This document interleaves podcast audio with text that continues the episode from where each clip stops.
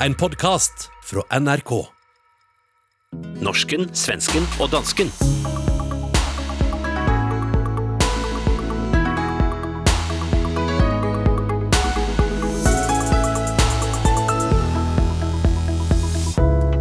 Er Stockholm nå blitt for høy på sig selv?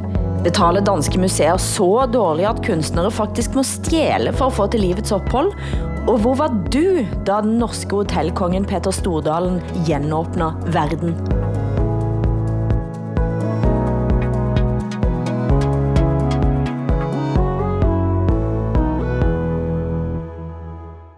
Velkommen til en ny runde på denne panskandinaviske terapisofaen, der alt skal på bordet av nationale traumer og vonde blindzoner. Ehm, Hassan, skal du kvitte dig med undulatene, som har fått været med på så mange av våre sendinger? Ja, det skal jeg. Øh, det er min datter Sonja på 11 år. Hun øh, har længe talt om, at hun synes, hun svigter undulaterne, øh, fordi hun med sin travle kalender ikke har tid til at øh, tale med dem og lege med dem og sådan. Så vi ser os om efter et nyt hjem til undulaterne, og lige nu har vi tre-fire forskellige øh, hjem, vi kan vælge mellem. Der er en ældre dame, som ønsker sig selskab. Der er en større fuglekoloni med flere forskellige arter af fugle, som gerne vil udvides. Så er der en børnefamilie og en kunstner med et atelier. Så der er, der er mange muligheder for at, øh, at finde det perfekte hjem til Charlie og Lulu, når de skal flytte her fra os. Jeg troede nemlig, at Charlie og Lulu havde fået nok av norsken, svensken og dansken. Jeg vet også, at du har knapt sovet i natt. Visst är det så att det här är ett program där man får prata trauman?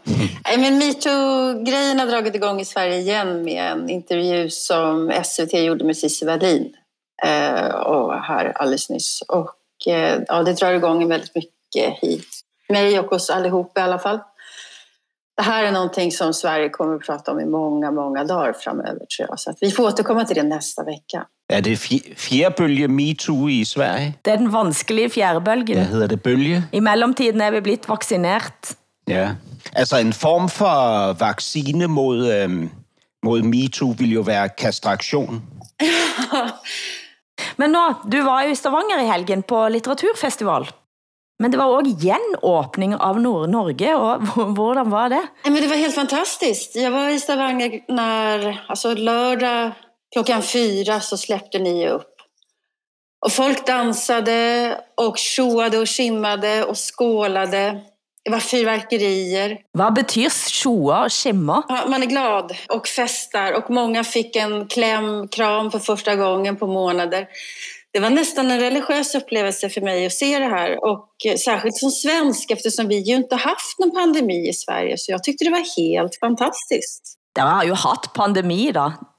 Nej, det har vi pratat om många, många gånger här att det där har inte vi haft i Sverige. Nej, men skämt åsido, det var faktiskt eh, det var faktiskt helt otroligt att få vara med om det där. Den glädjen i denna smöcka fina byn också, Stavanger, gränderna. I Oslo havde hotellkongen Peter Stordalen samlet folket foran et av hotellene for at fejre. La os høre fra Avisa Oslo. Petter Stordalen, vær så god! Og for en dag! Det folkehavet, det pulserende livet, euforien jeg opplever. Altså, jeg får ikke uttrykt det nok. Nå tar vi tilbake livet med våre! Jeg må begynne nedtelling. Hvor er klokkemessig? Tell med meg! Fem, fire, tre, to, Jeg vet ikke helt, hvor mye vi kan si her, eh, Hassan. Eh, Har du haft sånne stemninger i Danmark? Nej, ikke rigtigt. Altså, øh, nej, det synes jeg ikke. Der var, øh, der var jo ret sådan, øh, hvad kan man sige, meget gang i den, da nattelivet åbnede igen. Øh, nu, nu er jeg jo fra kulturlivet, øh, og teatrene har fået lov til at invitere fuldt publikum. Vi oplever ikke glædesscener, som den, øh, man, øh, man oplever her, øh, på, øh, initieret af hotelkongen, den norske hotel. Tænker I har en hotelkonge.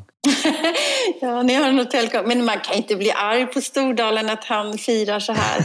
Leder massorna in i en pandemifri värld eller vad han tror att det är. Du hade, möjligt du hade blivit arg om du hade sett den jacken han gick med. det är möjligt. Men här i Sverige så uppfattar jag mer som vad allvarstyngt det var i kollektivtrafiken. Man var instängd i sig själv, det är man ju alltid när man åker buss och tunnelbana. Men jag tror att väldigt många funderar, hur ska jag klara av ett vanligt arbetsliv igen? Jag som har vant mig vid att gå runt som jag vill, inte, bara, inte behöva vara så proper. Ta små mikropauser, gå runt med dammsugaren mm. tio minuter mitt på dagen. Så man har fått ihop livspusslet tror jag. Man kan ligga och jobba i sängen och nu ska man plötsligt sitta på en stol igen och vara lite iakttagen när man arbetar. Jag tror att det är för många det här existentiellt väldigt, väldigt jobbigt. I norsken, svensken och danskens navn så hoppas håper jeg selvfølgelig at eh, stridsøksen mellem Norge og Sverige, som faktisk har været oppe og fremme eh, ganske så mye under coronan kommer til at begravd. Eh, jeg ser nu, at svenskene advarer mot norske tilstander fordi att de menar att vi har en farlig igenåpning. Jag tror också vi måste lägga ner den där stridsyxan. Är det någonting som, som man förstod så är det ju hur Sverige och Norge faktiskt hänger ihop som en stor marknad men också människor som faktiskt eh, behöver varandra. I Danmark har en kunstner fundet en speciell måte at tjene til livets ophold på. Kunstneren Jens Håning trængte en halv million penger i sedler for at rekonstruere et værk til Kunstmuseet Kunsten i Aalborg. De pengene så museet aldrig igen. Hvad skedde, Hassan? Ja, altså det er jo, det er jo en grov anklage, du kommer med der, øh, Hilde, fordi det er jo faktisk et øh, kunstværk, der er tale om. Altså, øh, værket er, at der mangler en halv million kroner. Øh, og det skal forklares, fordi det oprindelige værk øh, inkluderede øh, to rammer, hvor i der var opklæbet øh, en masse pengesedler, altså øh, nærmere bestemt øh, 534.000 kroner. Øh, kunstneren har, du, har nu videreudviklet dette kunstværk, øh, sådan så det har fået et nyt navn. Øh, det nye navn er Take the Money and Run.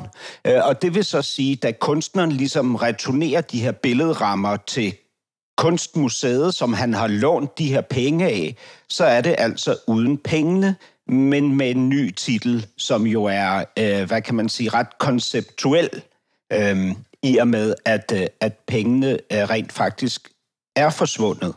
Så kunstneren har taget pengene og er løbet. Mm.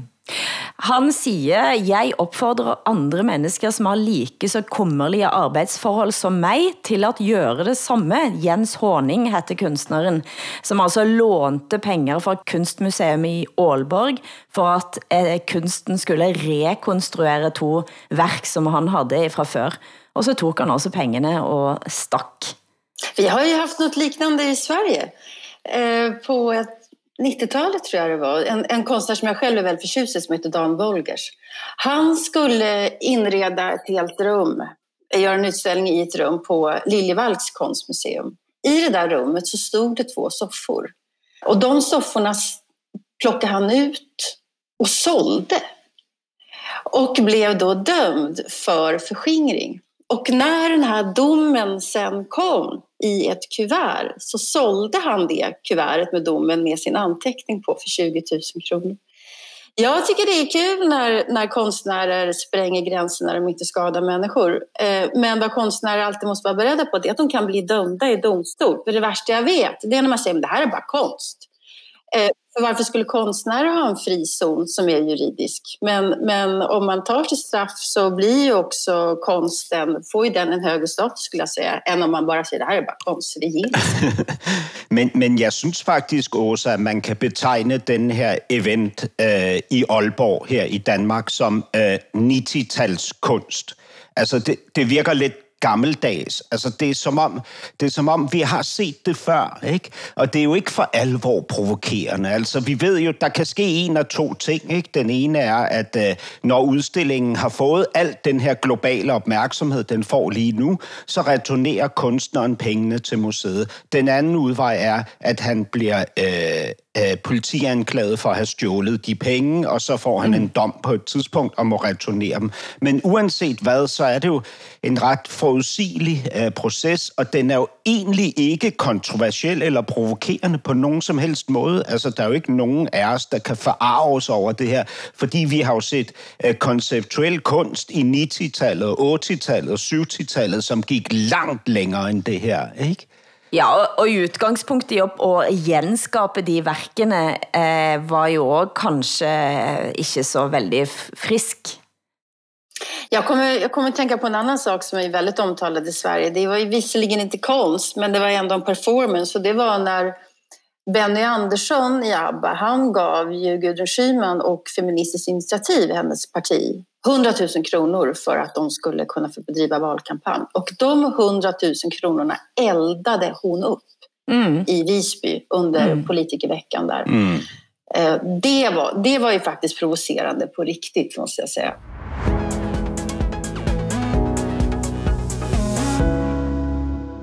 For min del så må jeg bare sige, at jeg fremdeles er satt ut, efter at jeg så filmen Vær her denne uken. En dokumentar som lader oss møte tre voksne mennesker, Sigvald, Mimmi og Jan, som alle tre er demenspatienter, og vi møter deres pårørende. Filmskaperen har fulgt i to år, Ragnhild Nøst Bergem. Hun har selv haft bedsteforældre med demens. Og sådan hørtes det ut. Hvem er du? Nej, du, det er jo vanskeligt at sige. Livet er blevet helt anderledes.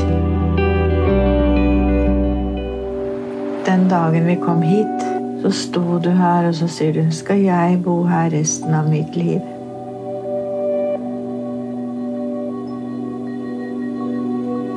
Det skulle være.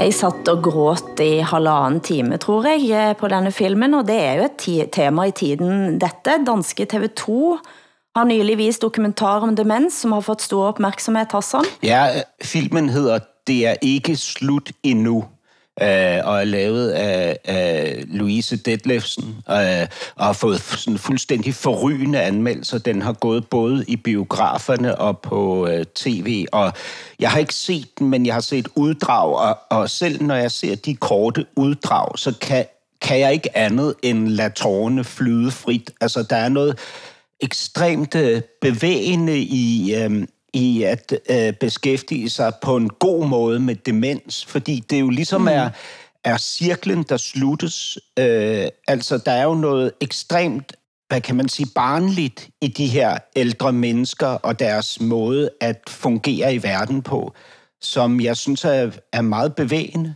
Og så denne her danske dokumentar, den skildrer livet på et specifikt alderdomshjem, hvor, hvor de simpelthen arbejder med nogle andre metoder, end man gør traditionelt. Og det betyder, at man har reduceret det antal præparater, som de demente indtager om dagen, fra et gennemsnit på 10 til et gennemsnit på under et præparat om dagen. Ikke? Øhm, det synes jeg er en vild proces, ikke? Så de er, de, er, de er medicineret helt anderledes, og har et helt anderledes liv, en ældre dement øh, i øvrigt har i Danmark. Vi har mellem 85.000 og 90.000 demente i Danmark. Ifølge denne filmen her, så er det rundt 100.000 i Norge, men så siger også filmskaperen, at øh, om nogle år, øh, så kommer vi til at være øh, dobbelt så mange.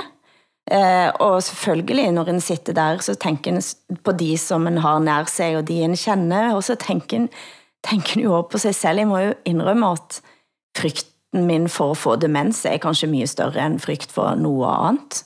Ja. Det er den følelsen av at når man glemmer, hvem man er. Min mormor lå øh, 12 år med demens og kunne ingenting. Altså, det var jo... Det var hårdt at se. Det var ikke specielt godt plejehjem. Det var svært for os at finde tid til at besøge hende. Øh, hun, hun var ikke en glad dement. Hun var vred og ked af det det meste af tiden. Ikke? Der, var, der var meget få ting, der kunne gøre hende glad. Øhm, Albinoni, den italienske komponist, mm. og Saga-ost, som er en, en blåskimmelost, Øh, det, de to ting elskede hun. Øh, Åh, oh, men det er, jo, det er jo vakkert. Altså, det kan godt være, at det lyder fuldstændig tåbeligt, det jeg siger lige nu, ikke? Men jeg synes altså også, der er altså noget, noget tiltrækkende i den der hengivelse til, til andre mennesker, som man vil være tvunget til at, øh, at opnå. Ikke? Altså det der øh, slip der. Hvis det bare på en eller anden måde kan være værdigt ikke? Øh, og forbundet mm. til, til omgivelserne, så er det egentlig ikke det, jeg frygter mest. Altså, jeg frygter langt mere at dø pludseligt. Ikke? At forsvinde med et. Altså, øh, det vil være langt værre for mig personligt. Mm. Og det som er gir og håb, og som denne filmen hver her viser, det er for første nydelige øjeblik, stærke øjeblik, nære øjeblik, og veldig mye knyttet til musik. En av de tre som denne filmskaperen da fulgte er en eh, komponist, Sigvald Tveit, eh, som jeg husker fra min barndom. Han skrev mange eh, sanger. Og når han sætter sig til pianoet og spiller, så er musikken der. Og i Bergen så er der et stort forskningsprojekt med en eh, hjerneforsker som heter Stefan Kölsch, og et stort miljø som rett og slett forsker på hvordan man kan bruke musik i terapien. Mm. Musikterapi mot, eh, altså mot Alzheimer og demenspatienter. Eh, og det tænker jeg, at hvis jeg begynder at forsvinde inde i mig selv, så bare husk på det alle, at jeg skal ha den musikken der. Jeg, jeg Hilde, jeg vil komme og besøge dig så ofte jeg kan, og så være synge for dig. Det er jeg lidt usikker på, om jeg vil, Hassan. Helt ærligt men jeg vil at du skal komme. men Åsa, har du, du har ikke sett disse filmene, eller? Nej, alltså det, eh, jag, är så, jag, jag är så rädd för sjukdomar på riktigt, hypokondri. Så snart jag hör talas om en sjukdom och eh, får veta symptomen så får jag den sjukdomen i mitt huvud. Och eh, det är alltså inget skämt utan det här är ett handikapp som jag lider av på riktigt. Och jag blir ofta sjuk i sjukdomar med väldigt diffusa symptom då såklart. Och det händer i perioder när jag är väldigt lycklig. Eh, så jag skulle aldrig se de här filmerna. Till skillnad från Hassan så skulle jag hellre dö väldigt snabbt än ett sånt här långt eh, sjukdomsförlopp. Och, och jag förstår att det låter att jag inte har någon respekt för de människorna som har den här sjukdomen. Det är precis tvärtom. Men jag vet ju ingenting om den heller, så jeg, jeg tror nok også, at man ikke, at man ikke siger hypokondri længere, men, øh, men man skal sige sygdomsangst. Ah, okay, ja, men då är, då är det det, jeg har. Ja, men den rammer dig, Åsa, når du er mest lykkelig. Det är då jag inte vill förlora mm. det jag har, de jag älskar. Ja. Men jag hade en gång en sjukdom, ska inte säga, som jag trodde att jag hade och så kom jag in till Akademiska sjukhuset i Uppsala och gör en massa tester och så till sist så säger den här läkaren till mig att du ska veta att även för hypokondriker så är mortaliteten hundraprocentig. Mm. Då blev jag botad för en stund i alla fall. Du hører norsken, svensken og dansken. Programmet blir sendt i Danmarks Radio, Sveriges Radio og Norsk Rikskringkasting.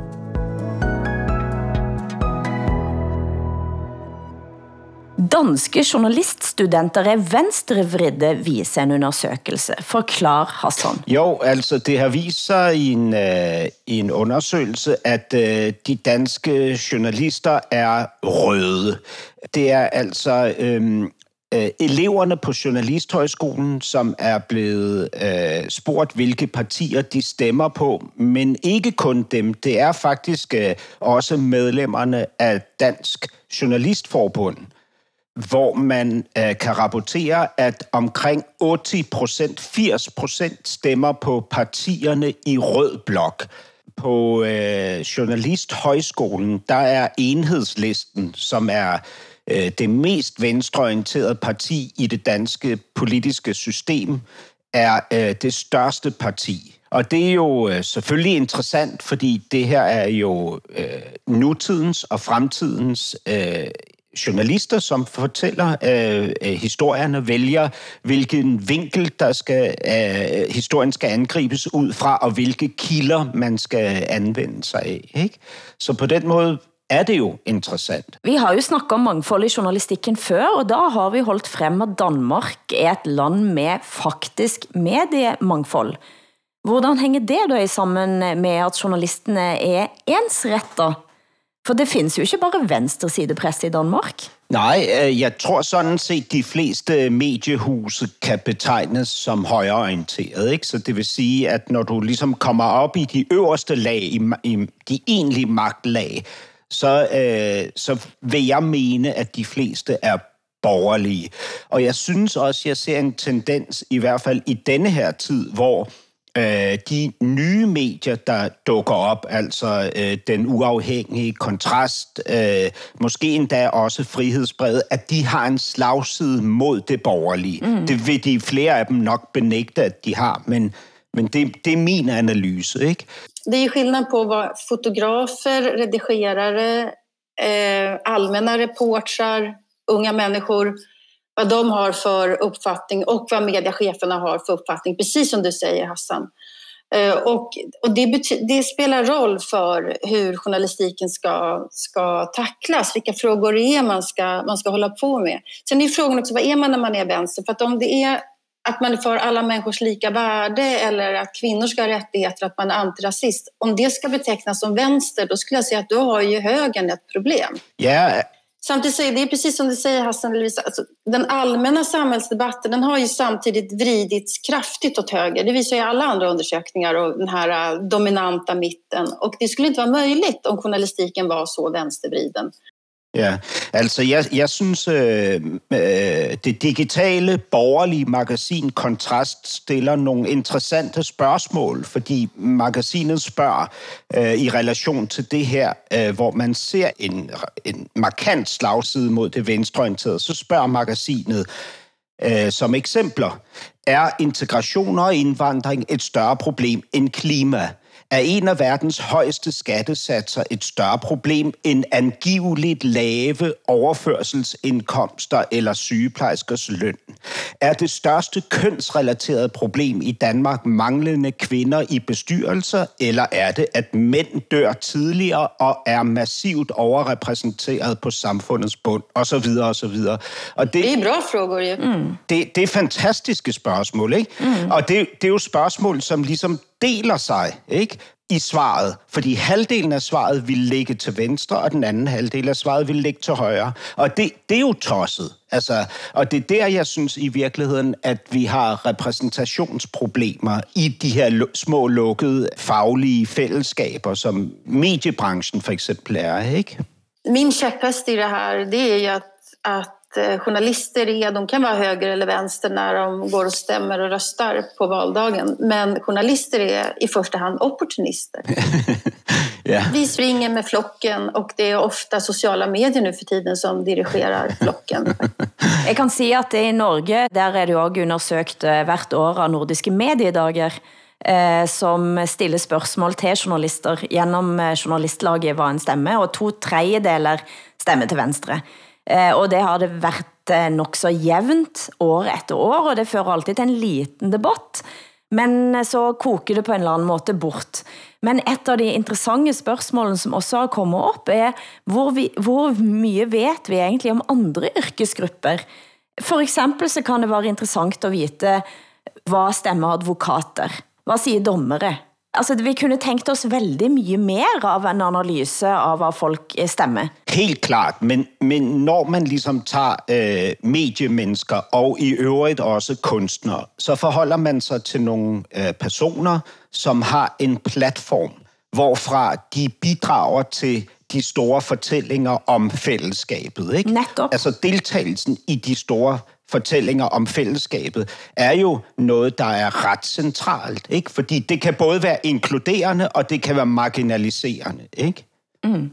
Men samtidig så hænger det også sammen med tillit. Og hvis der er mange spørgsmål i samfundet, som folk føler, at medierne ikke dækker, og det var jo et problem i veldig mange år i Sverige også, i særlig grad. Ja, ja, ja. Fordi det var så mange spørgsmål man ikke skulle stille. Det, det är alldeles sant. Och eh, för mig är det ett exempel på att journalisterna är opportunister.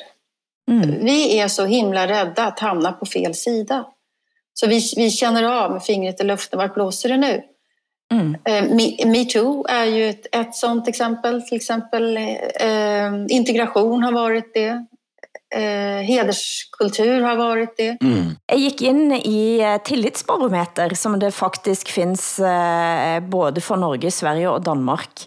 Det er så mange interessante tal her, at eh, vi kan komme tilbage til en, i en anden sending av norsken, svensken og dansken.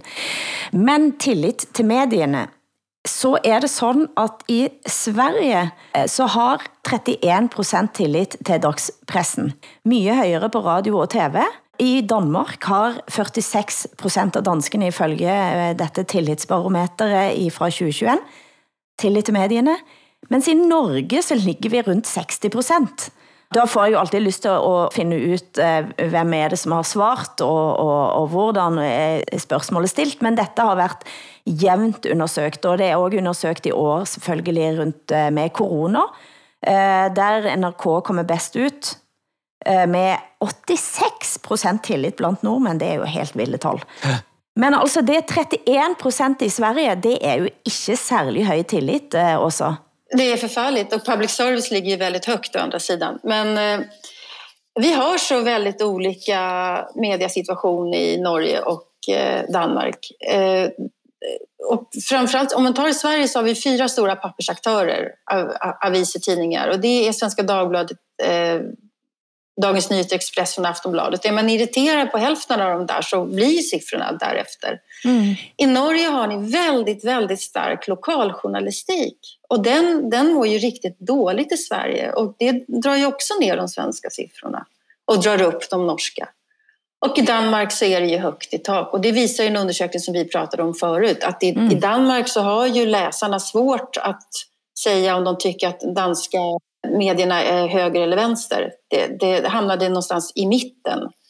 Hilde, jeg læste et sted, at uh, tilliden til de danske medier var dalet radikalt i 2020, altså fra 46 procent til 30 til nogle 30 procent, ikke? Uh, 30 et eller andet, um, og over et års tid. Og jeg ved ikke, jeg ved ikke hvorfor. Så vidt jeg husker, så vidste formanden for Dansk Journalistforbund heller ikke, hvad det var, der var sket på det tidspunkt. Men der, der forekom altså et radikalt fald. Ikke? Men, men så vil jeg sige, i forhold til Norge, øh, og mere specifikt i forhold til Norsk Radio og TV, og endnu mere specifikt i forhold til NRK, så, så er det jo tydeligvis sådan, at det høje tillidstal, det stammer jo fra, at norsken, svensken og dansken trækker det op. ikke? Fordi tilliden til norsken, svensken og dansken er på 99 procent. Den er det, ja. Ja. Ja, du vil Ja. si det. Ja. ja, det er godt at høre. Du hører norsken, svensken og dansken i SR, DR og NRK. Stockholm är smartare än lantisar tycker jag. Men eh, är det liksom... Vad sa du nu? Att Stockholm är smartare än lantisar? Ja. Dette var altså Anna Kinberg Batra, Moderaternes partileder gjennom mange år under valgkampen i 1998. Nå i 2021 har lantiserne tatt hevn. En parad av høgprofilerede opinionsbildere har under de seneste dagerne skrivet om sin avsky for Stockholm, skrev forfatter og podder Alex Schulman i Dagens Nyheter denne uken. Han kalder det en kuslig debatt. Hvad betyder nu det ordet? Hvad sker, Åsa? Har ni inte ordet kuslig på norska och danska? Nej, på ingen måte. Otäck betyder det. Något är otäckt. Hvad betyder utægt? Äckel. Ækel. Men det är, en, det är en stor debatt i Sverige. Nej, det är det inte. Det är ingen debatt i Sverige. Det är en debatt i Stockholm. Om Stockholm. Och eh, ska också flagga för att en av de som deltar i den här debatten är min käresta eh, Bengt Olsson. Det började med att Dagens Nyheters kulturchef Björn Wiman skrev en text om eh, sin, sina funderingar kring Stockholm helt enkelt. Att det är, en, det är en ganska uppnäst stad. Det väckte enormt mycket aggressioner och sen så är det flera då som, har, som håller med honom och, och jag gör ju det. Eh, också för mig är ju Stockholm ett av mitt livs största besvikelser. Jag har bott här i 13 år nu och jag tycker att det är dyrt och stressigt och snobbigt och det är alldeles för trångt och människor är väldigt självupptagna. I alla fall här på Södermalm och de här journalistkvarteren. där jag bor. Och eftersom jag också bor i Jämtland ganska stora delar av året nu för tiden så ser jag ju skillnaden. Att man är inte lika ängslig där för vad man får tycka, vad man får säga, hur man ska klä sig och sådär. Och det är en befrielse. Och det här, det är så mycket, det varit sådana ramaskri. Det, det är som att man har bajsat i någons mat nästan och kritiserat Stockholm. ja. Hvad tycker ni om era huvudstäder? Oslo og København? Jamen prøv at høre, først og fremmest, Stockholm er da også en fantastisk by. Men du bor jo ikke her, elskling. Nå, nej, men jeg har været der. Men det, der er så fantastisk ved det her, Åsa, som du skildrer, ikke? det er jo nærmest begyndelsen på den bølge, der opstod i Danmark, som også er skyllet ind over Norge, hvor man lige pludselig uh, kollektivt mobiliserede en storbyforagt, samtidig med, at man mønstrede en udkantskærlighed. Ikke? Mm. Det var sådan der, det begyndte i Danmark for 10-15 år siden, med en enkelt stemme, et enkelt essay, et par kunstnere, der begyndte at skrive hjemstavnslitteratur. Ikke? Staten, der begyndte at udflytte statslige organisationer og styrelser og ministerier til, til øh, udkanten og så videre. Ikke? Og det voksede og voksede og voksede øh, i Danmark, indtil der ikke længere var nogen hovedstad tilbage stort set. I hvert fald ikke i, i den kollektive øh, stolthed. Ikke? Øh, samtidig havde man jo fået... Øh, fået forvansket elitebegrebet i en sådan grad, at alle foragtede en hver lille ting, der bare kunne smage af elite. Ikke? Så jeg, jeg vil sige, pas på, Åsa. Men det er jo, du siger, og Hassan, at det skyldte ind over Norge. Poenget er, at dette er Norges sjæl, så her trængte vi ikke skylding av, av noget som helst. Eh, men jeg må jo indrømme, fordi jeg er den eneste av, der, av oss som ikke bor i en hovedstad. Ja, just det, du bor i Bergen, ja. Men du bor i den gamle hovedstad, ikke? Ja, den gamle hovedstaden. Og den egentlige hovedstad. Selvfølgelig. Og det er jo netop den oplevelsen av eh, at hovedstedene i Skandinavia begynder at blive for store for sig selv. Absolut. Og det har tiltaget, og jeg fandt tilbage eh, Lubbe Nordstrøms fin fantastiske radiodokumentar Lort Sverige fra 1938, og der eh, han siger i de første programmene, og dette er kapitel 1 fra boken baseret på dokumentaren, det förefaller faktisk som om Stockholm aldrig skulle kunne lære sig at det findes någonting utanför dess tullar. Der börjar det store intet, som det dock lever på, og som heter Sverige. Og jeg var i Oslo denne uken, og jeg begynder faktisk at bli lidt redd. Jeg elsker Oslo. Jeg synes Oslo har begyndt at bli vakker. Mm, jättefin stad. Oslo er nå så rik, eh, og forskellene er så store, ja. at jeg tænker, de barna som vokser op inne i Oslo centrum med forældre som har råd til at bo der, kommer til at have et forsprang på resten av landet, som er så stort, mm. at jeg blir ængstelig. Mm. Eh, Thomas Espedal, forfatteren, han skrev på Facebook her om dagen, Oslo er en vakker by, svært vakker og rik, svært rik. Byen har liksom vokst sig for vakker og rik for resten av landet. Den hænger ikke sammen med det som var Norge. Det må være grusomt at være ensom eller fattig her og spasere rundt i den nye byen. Den nye rikdommen er som at gå rundt i noget som kommer til at falde sammen. Mm. Og den følelsen har jeg i tiltakende grad. Mm. Eh, kombinert med en snikende tanke om at jeg burde aldrig ha forladt Oslo. Fordi den dagen jeg forlot Oslo, så forlot jeg min egen mulighed. När du lämnade Oslo, förlåt, när du lämnade. Mm. Mm. Jeg forlot, jeg lämnade min egen mulighed til at ta del i denne store, vakre, rike eh, livsstilen, som selvfølgelig også er väldigt behaglig. Jag tror att väldigt många som blir upprörda över att man kritiserar Stockholm, det, det tror jag är, man har flyttat hit, man har lagt alla sina pengar, det enda man äger är ett lån i en boling i en lägenhet. Och det är som att man måste övertala sig själv om att man har gjort rätt. Man är så ekonomiskt fast i den här staden och man måste bo här också för att det här arbetena finns. I alla fall var det så innan pandemin när man kunde luckra upp den och jobba hemifrån. Men det har tagit djupt i stockholmarnas själ det här, eller de inflyttade stockholmarnas själ, att man kan kritisera den här staden. Men den är alldeles, alldeles för trång, tycker jag. Och då blir den hård och stressig. Och...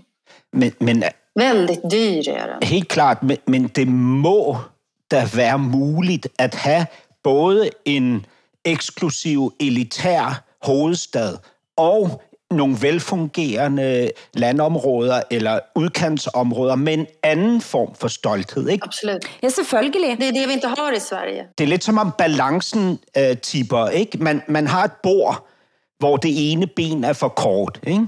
Og så saver man de tre andre ben til, men for en sikkerheds skyld, så tager man lidt mere af de tre andre ben, men så vipper bordet igen. Ikke? Mm. Og på den måde, så saver man, og saver man, og saver man, og saver man. Og, og til sidst kan ingen nå bordet, når de skal spise. Ikke? Og det er det, der lidt har været min oplevelse i forhold til Danmark, at man ligesom tager af hinanden, og det bliver som et, øh, et immunsystem, der begynder at æde af sin egen krop. Ikke? Det er jo et fællesskab, det her. Danmark er jo et fællesskab, ikke? og det inkluderer både udkanten og hovedstaden, så vidt jeg har forstået.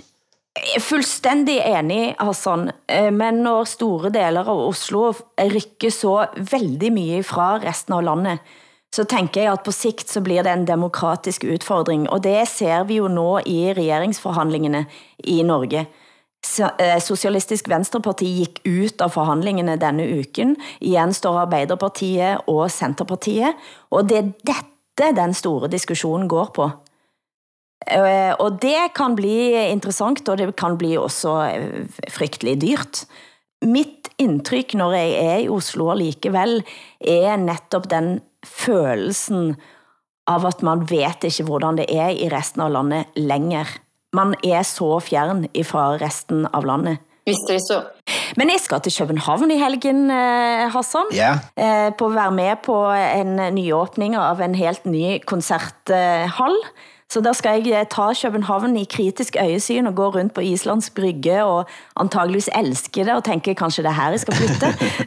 Ja, ja, og så vil du, at du har været i København mange gange, men du vil jo observere en hovedstad, som ligesom Oslo og Stockholm i øvrigt er i rivende udvikling med masser af arkitektonisk øh, øh, nybyggeri og, og så videre. Ikke? Øh, det er sjovt i øvrigt, Hilda, at du er inviteret til åbningen af en, et koncerthus, som jeg ikke engang har hørt om. Øh, ja, det forstår jeg Ja, ikke. det er altså Mogens Dal koncertsal, det jeg snakker om her. Men under alle omstændigheder, så håber jeg meget, at vi kan ses i København, du og jeg. Ja, det var med. Hilde, det er så længe siden, jeg har set dig, at jeg ikke kan huske, hvor høj du er. Jeg er veldig lav. Er du det?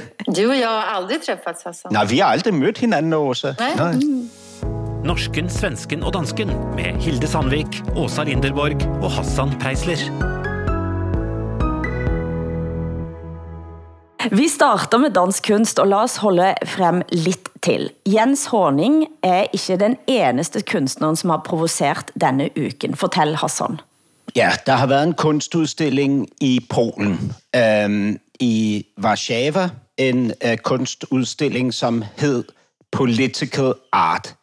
Øh, og det er foregået på et øh, museum, øh, som jeg har øh, forsøgt at undersøge lidt på, men det er ret svært, fordi holdningerne til det her museum er virkelig øh, delt i to. Der er dem, der mener, at netop dette museum er et enestående museum, fordi det afspejler alt det, man ellers ikke kan sige i kunsten. Og så er der andre, der mener, at det her er et, et øh, voldsomt højreorienteret, næsten radikalt museum, øh, og- at museumsdirektøren er fundamentalist. Ikke? Men under alle omstændigheder, så har der været en udstilling, hvor blandt andre de danske kunstnere, øh, Christian Hornslet og Uwe Max Jensen har udstillet. Og det er øh, kontroversielle figurer, især Uwe Max Jensen øh, har øh, skabt øh, debat igen og igen og igen med sine kunstværker, som oftest involverer øh, tis og lort. Ja, han, han kissar i andras konst och sådär. Det tycker han är moget och bra. Ja, eller han skider, altså han, han lægger en lort. Ja. Ja, just mm. Og øh, en anden øh, form, han har udviklet, det er, at han maler øh, med sin tissemand. Altså han bruger sin penis som pensel. Øhm, og Är det bara jag som tycker att han verkar barnslig, eller? Nej, du er ikke alene som synes det også. Det tror jag bestämt inte du är. Alltså jag är, inte, jag är inte den som är konservativ och sånt där, men det här tycker jag verkar helt... Ja, Brist på andra idéer skulle jag säga, eller? det jeg synes er interessant, ikke, det at nu dukker de her øh, kunstnere, især har Christian Hornslet været ude at tale i forskellige programmer her på denne her radiokanal P1, hvor han har fortalt om, øh, om de her kunstværker. Ikke? Og det, der er interessant, det er, at der ligesom dukker nogle stemmer op øh, rundt omkring, som siger, jamen Gud, tænk, vi kan stadig blive provokeret af kunst og kunstnere. Vi troede ikke længere, det kunne lade sig gøre. Ikke? Øh, og, så, og så hører man jo også kunstnerne, især Christian Hornslet, i et forsvar for det kunstneriske område, som han mener bør være øh, præget af total frihed. Altså herinde i kunsten, der bør man kunne sige og demonstrere alt det, man ikke kan sige og demonstrere uden for kunsten. Ikke? Og det synes jeg er et rigtig, rigtig spændende perspektiv, fordi det er ikke den retning, vi ellers går i her i Danmark. Lad os få høre fra samtalen på Kulturen i P1 mellem kunstneren Christian Hornslet og DR's journalister Tore Leifer og Jesper Dein. Men hvad er formålet? Formålet for han, hvis, hvis man spørger ham direkte, så er formålet at tematisere og beskrive, at alle bevægelser er totalitære. Og det er derfor, du i, i politikken øh, kalder udstillingen Uwe Max Jensens performance for enormt vigtig og mega vogue. Fordi han ser jo alle de her vogue-bevægelser som små totalitære øh, klubber, der synes, det de gør er totalt rigtigt. Så zoomer han endnu mere ud og er endnu mere vogue. Men han har været folketingskandidat for stram kurs. Det lyder ikke mega woke på mig. Nej, altså i, i hans verden er det meget woke. Øh, Altså jeg er jo meget uenig med ham med mange ting, men jeg synes bare, vi skal også give plads til tosserne. Men her diskuteres altså, er det woke eller mega woke? Ja, og det er jo så Christian Hornslet, som taler om sin kunstnerkollega Uwe Max Jensen, ikke? som han beskriver som woke eller mega woke. Altså, men, men altså, det kan man jo synes om, hvad man vil. Jeg syntes, at det her indslag i kulturen på P1 var spændende, og det er ikke ret tit, at jeg synes, at indslag om kunst, øh, øh, slet ikke kunst på et polsk museum, er specielt, øh, øh hvad hedder det, nervepigerne. Så, så det, der, altså, der sker jo noget, og det vilde er, vi har talt om det før, ikke? da jeg voksede op, der var den kunstneriske aktivisme altid på den yderste venstrefløj. Ikke? Mm, absolut. Vi havde et teaterkompani i Danmark, der hed Solvognen, som klædte sig ud som julemænd, og så gik de ind i magasin og uddelte gaver til folk, der, gik, der kom forbi, ikke? Og så videre. Den type aktivisme er jo det, som enkelte højreorienterede kunstnere bedriver i dag. Jeg ville da ønske, at der var bedre balance i det, at vi havde funky, øh, hvad hedder det, udsvævende, radikalt modige kunstnere på venstrefløjen også. Men det er som om venstrefløjen er blevet øh, reaktionær. Denne debatten har vi jo også haft i Norge, og fire av de fem kunststudenterne som kæmper mot avkolonialisering på Kunsthøjskolen i Oslo åbner udstilling i sommer. Og da havde aktivisten i Blitz kaldt de for rasister og mobiliseret til demonstration før udstillingsåbningen. Eh, Der begynder jo at komme op en gjeng med nye kunststudenter, som, som rett og slett eh, bevæger sig politisk eh, hel, langs helt andre akser end det vi har været vant med. Men för, alltså förklara, var det så att vänsterkonstnärer ville stoppa andra konstnärer för att de var höger? Ja. Men sluta! Åh.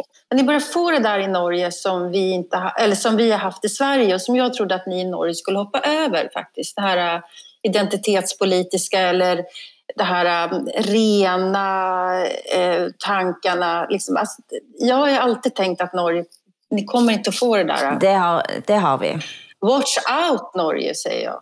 Altså rent ideologisk allikevel, så tænker jeg at en mand som Ove Max Jensen, som jeg har fulgt øh, over lang tid, som lager kunst som er ubehagelig og på mange vis, og som jeg også tænker er, det giver veldig lite, og hans alliance til stram kurs, eh, øh, og hans øh, helt sådan soleklare provokationer, som jeg føler bliver også veldig tomme. Ja, ja men det kan, Altså, det, det- bliver- det kan du synes. Altså, det, det er du jo helt frit for at synes, ikke? Men det, der jo, det, man alligevel må sige, det er, at i forskellige sammenhænge, jeg kommer i, hvor øh, vi ikke normalt taler om kunst, der taler folk om Uwe Max Jensen, ikke? Og man, man, man griner højt og siger, jamen, så du så den video, hvor han gik ind på Kunstfondens marmorgulv og lagde en lort, ikke? Fordi som det lød i hans kunstbeskrivelse, fordi Kunstfonden i så mange år havde skidt på ham, ved aldrig at tildele ham nogen som helst form for støtte, så vil han nu skide på Kunstfonden. Ikke? Men det är väldigt, väldigt många konstnärer som inte får några pengar. Tänk om alla skulle gå runt och kissa och bajsa i, i konsten och på institutionerna. Och det är barnsligt tycker jag. Det er det. Jag tycker det, det är otroligt löjligt. Tänk om alla vi författare som inte får några stipendier Ja. eh, skulle iscensätta sådana där attentat. Det er løjligt, faktiskt. det kan du sige, og det, det vil jeg nok også give dig ret i. Men nu er det jo ikke sådan, at der er nogen som helst andre kunstnere, som tager en chance og går op imod kunstfonden ved at kritisere den eller skide på dens gulv. Hverken i bogstavelig form eller øh, i overført betydning. Du har jo heller ikke nogen forfattere, som ikke er blevet tildelt støtte, der på noget tidspunkt tager, løber den store risiko at tale imod magten i form af Statens Kunstfond, fordi så ved man, så er man færdig. Så kan du ikke få pengene igen næste år eller året efter. Men allikevel, den protesten kommer. Jeg hørte Jonas Eiker sin eh, tale, da han fik Nordisk Råds litteraturpris, for eksempel. Ja. Eh, Det var jo en rasende tale, der han eh, eh, hamret løs på dansk politik, men også egentlig på de som tilgav ham prisen. Det var ikke på Kunstfonden. Han gick ju lös på asylpolitiken. Ja. Det var, precis, det var inte bidragsgivarna som... Nej. Det var en ganska ofarlig protest skulle jag säga. Mm. I ytterkanten av denne diskussionen er også spørgsmål om hvad som er kunst og hvad som er propaganda, men det må vi komme tilbage til i et senere program. Og et spørgsmål er også, hvorfor er vi mer kritiske til nogen type aktivistisk kunst end noget andet? Du hører norsken, svensken og dansken.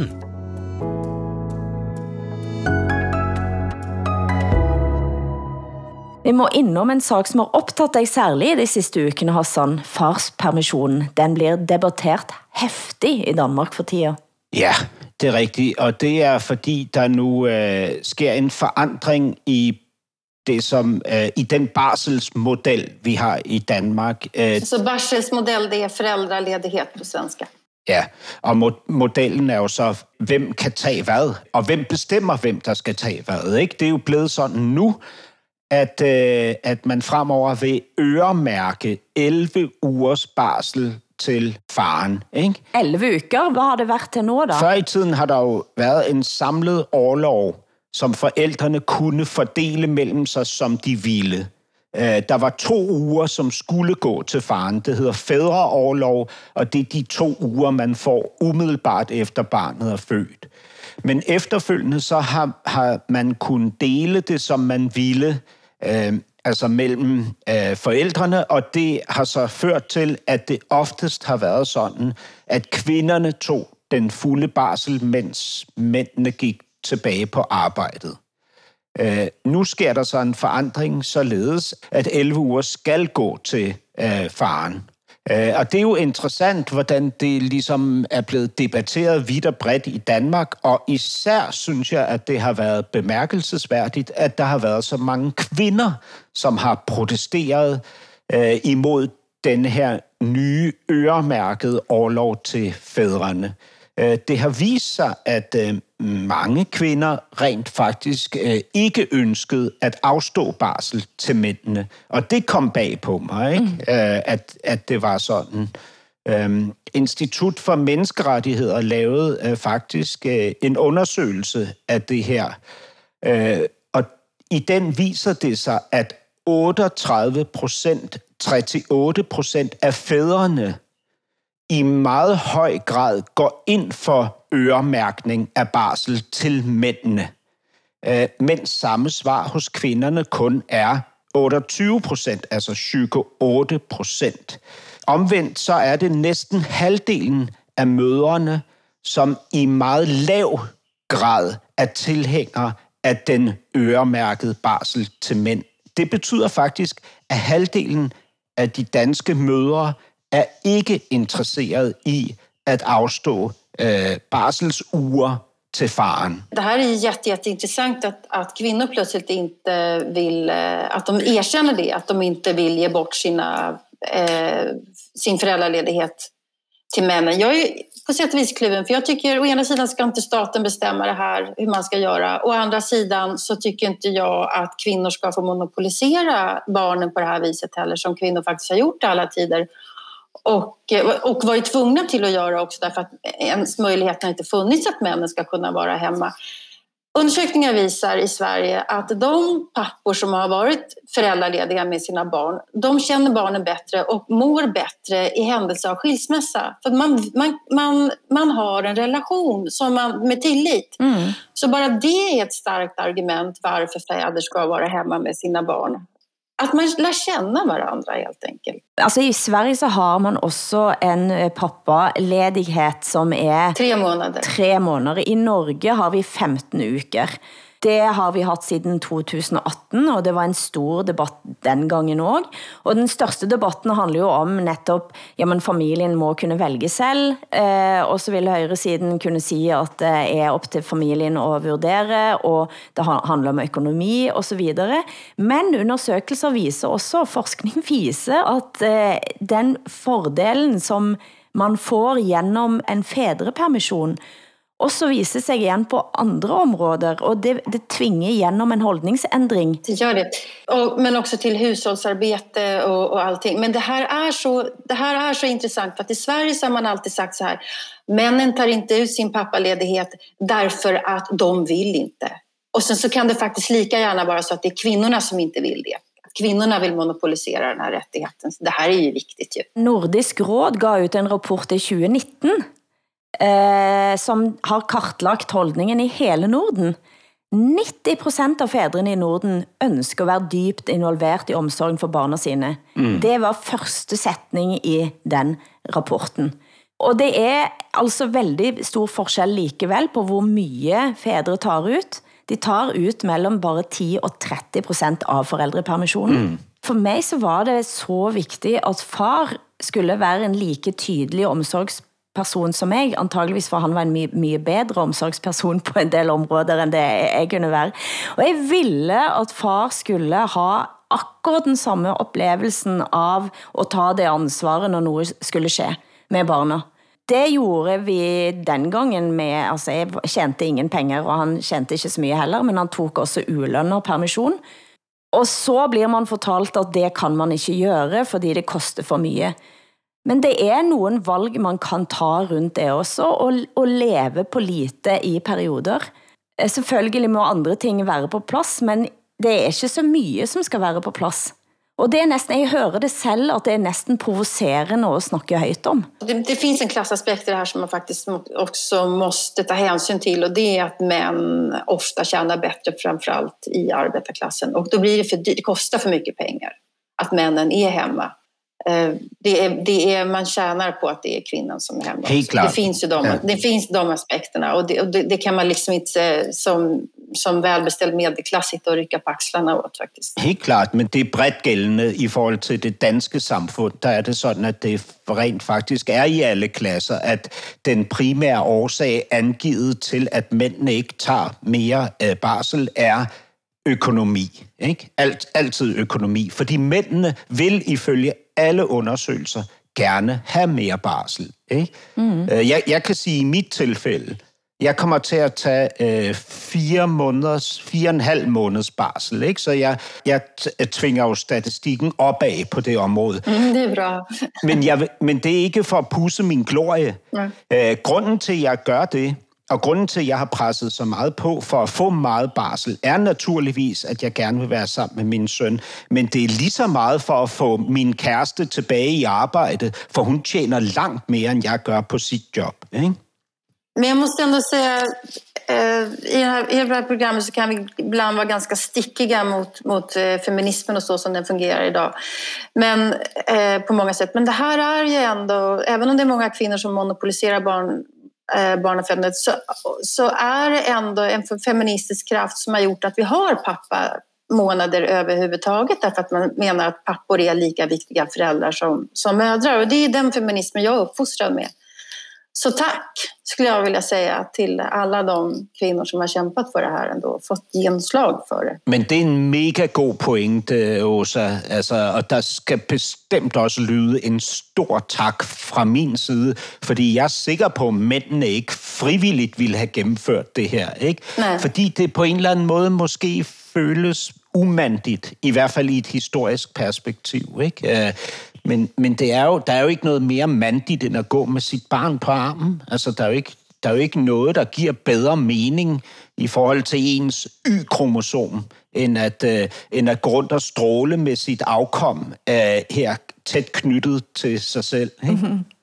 Og jeg har også hørt, at, at, det er, at kvinder synes, det er meget tiltrækkende, at det, det, det kan give en masse fisse. Nå, nå var det jo ret før jeg eh, var i færd med at sige, jeg glæder mig til at se det gå stråle rundt i København med barnet både i armen, men nu trækker jeg det tilbage, Hassan. jo.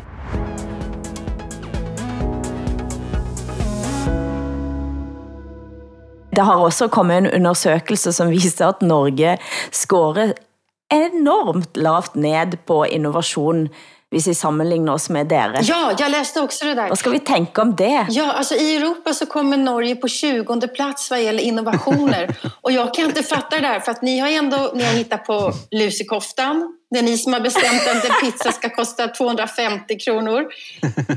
Ni har en prinsessa som tror på änglar. Ni är ju fulla av idéer i Norge. Men vad vi har kommit på i Sverige tillsammans med er, det är att bygga en lufttunnel för tåg så att det ska ta bara 35 minuter oh. att hälsa på er och då kommer ni att få så många goda idéer från oss i Sverige. Så heja, heja, heja. Om tio år så där tummen på plats. Jag ska vara först över, Hilda. Oj. Klemma dig med en lusekofta. min, min yndlingssvenske efter denne uken er han som er ansat i skattevæsenet i Sverige som rett og slett blev tatt på, at han havde ringt 55 timer til sig selv for at slippe at snakke med folk. Det er innovativt. Det er fucking innovativt. Det er rigtigt. Ja. Det bliver sidste ord i dagens sending. Producent har været Tobias Ness. Tak til Hassan Preisler i København, Åsa Linderborg i Stockholm. Mitt navn er Hilde Sandvik i det egentlige hovedstaden Bergen. Du har hørt på programmet Norsken, Svensken og Dansken, produceret eh, for NRK, SR og DR av Broen XYZ. Og vi er tilbage om en uke. I mellemtiden savner du oss. Vi findes alltid i en podstrøm.